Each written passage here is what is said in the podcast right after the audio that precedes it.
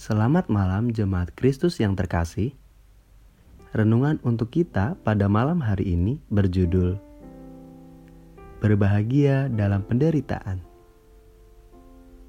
Dan bacaan kita diambil dari 1 Petrus 4 ayat yang ke-12 sampai ayatnya yang ke-16. Demikian firman Tuhan.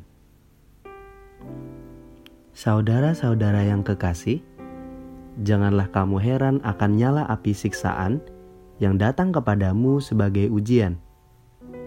Seolah-olah ada sesuatu yang luar biasa terjadi atas kamu.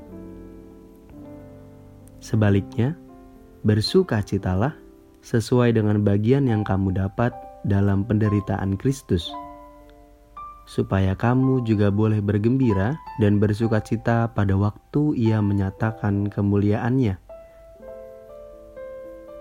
Berbahagialah kamu jika kamu dinista karena nama Kristus. Sebab roh kemuliaan yaitu roh Allah ada padamu. Janganlah ada di antara kamu yang harus menderita sebagai pembunuh atau pencuri atau penjahat atau pengacau. Tetapi jika ia menderita sebagai orang Kristen, maka janganlah ia malu melainkan hendaklah ia memuliakan Allah dalam nama Kristus itu. Richard Wurmbrand adalah gembala dari Rumania. Ia menghabiskan 14 tahun di penjara akibat melayani di gereja bawah tanah. Walaupun berkali-kali disesah, dipukuli setiap hari, dan berbulan-bulan tak melihat matahari, semangatnya tak mengendur untuk memberitakan Injil. Ungkapannya yang indah berbunyi, "Penjara bukanlah rintangan bagi kehidupan seseorang Kristen yang berguna." Kini, penjara tempat ia disiksa telah menjadi tempat ibadah. Richard membuktikan bahwa dalam penderitaannya, kebenaran Tuhan menyertainya entah apa yang akan terjadi seandainya Richard menyangkal imannya saat masa-masa sulit itu.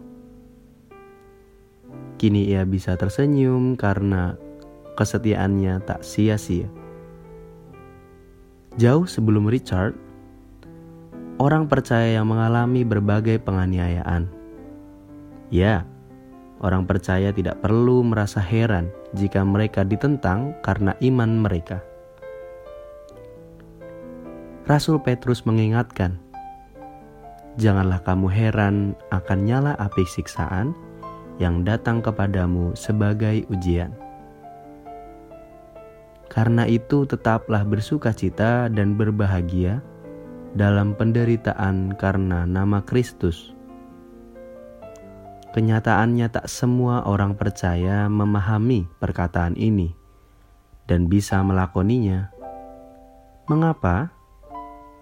Hanya mereka yang sungguh-sungguh mengenal Allah dengan baik yang akan dimampukan menjalaninya. Mereka akan bersuka cita dan berbahagia dalam penganiayaan sekalipun. Mereka tahu dan percaya bahwa dalam segala hal Allah turut bekerja untuk mendatangkan kebaikan bagi mereka. Dalam penderitaan pun, mereka tetap memuliakan Allah. So, bagaimana dengan kita? Penderitaan karena kebenaran yang kita alami adalah sebuah anugerah yang justru patut kita syukuri. Demikianlah renungan pada malam hari ini. Semoga damai sejahtera dari Tuhan Yesus Kristus tetap memenuhi hati dan pikiran kita. Amin. Jemaat yang terkasih, mari kita bersatu hati menaikkan pokok-pokok doa yang ada di dalam gerakan doa 21 GKI Sarwa Indah. Mari kita berdoa.